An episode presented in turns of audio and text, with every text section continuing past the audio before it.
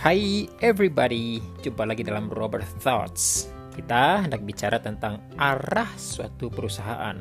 Mau dibawa ke mana perusahaan kita? Maksa banget ya.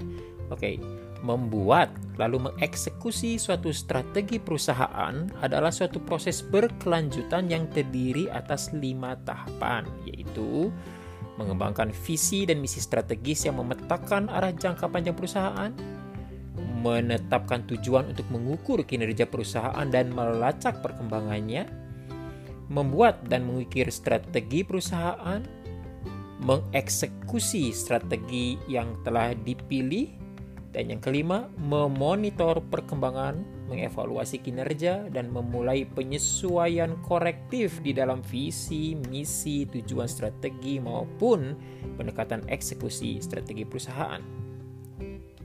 Mengenai visi, misi, serta tujuan strategis akan saya bagikan dalam episode lainnya. Proses pembuatan strategi itu melibatkan manajer di semua tingkatan organisasi Adapun hierarki pembuatan strategi perusahaan dari yang tertinggi hingga yang terendah adalah yang pertama corporate strategy atau strategi korporasi.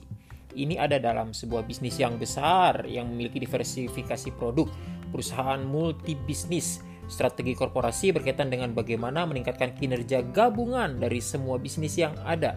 Strategi korporasi dilakukan oleh CEO dan para eksekutif senior tidak semua perusahaan mempunyai atau membuat uh, corporate strategy ya uh, hanya yang gede-gede aja oke okay?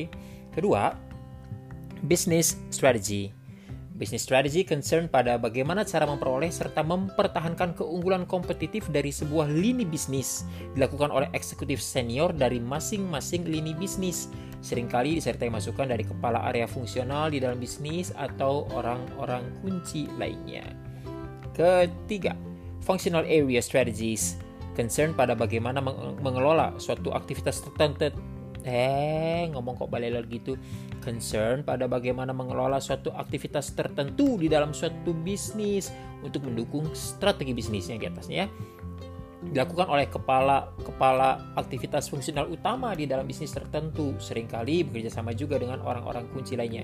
Key people maksudnya key person key person. By the way uh, fungsional area itu maksudnya itu bisa marketing, bisa SDM, bisa produksi, bisa finance dan lain-lain. Terakhir yang keempat adalah operating strategy alias strategi operasi. Bagaimana mengelola aktivitas-aktivitas yang memiliki signifikansi strategis di dalam setiap area fungsional. Menambahkan detail dan kelengkapan di dalamnya.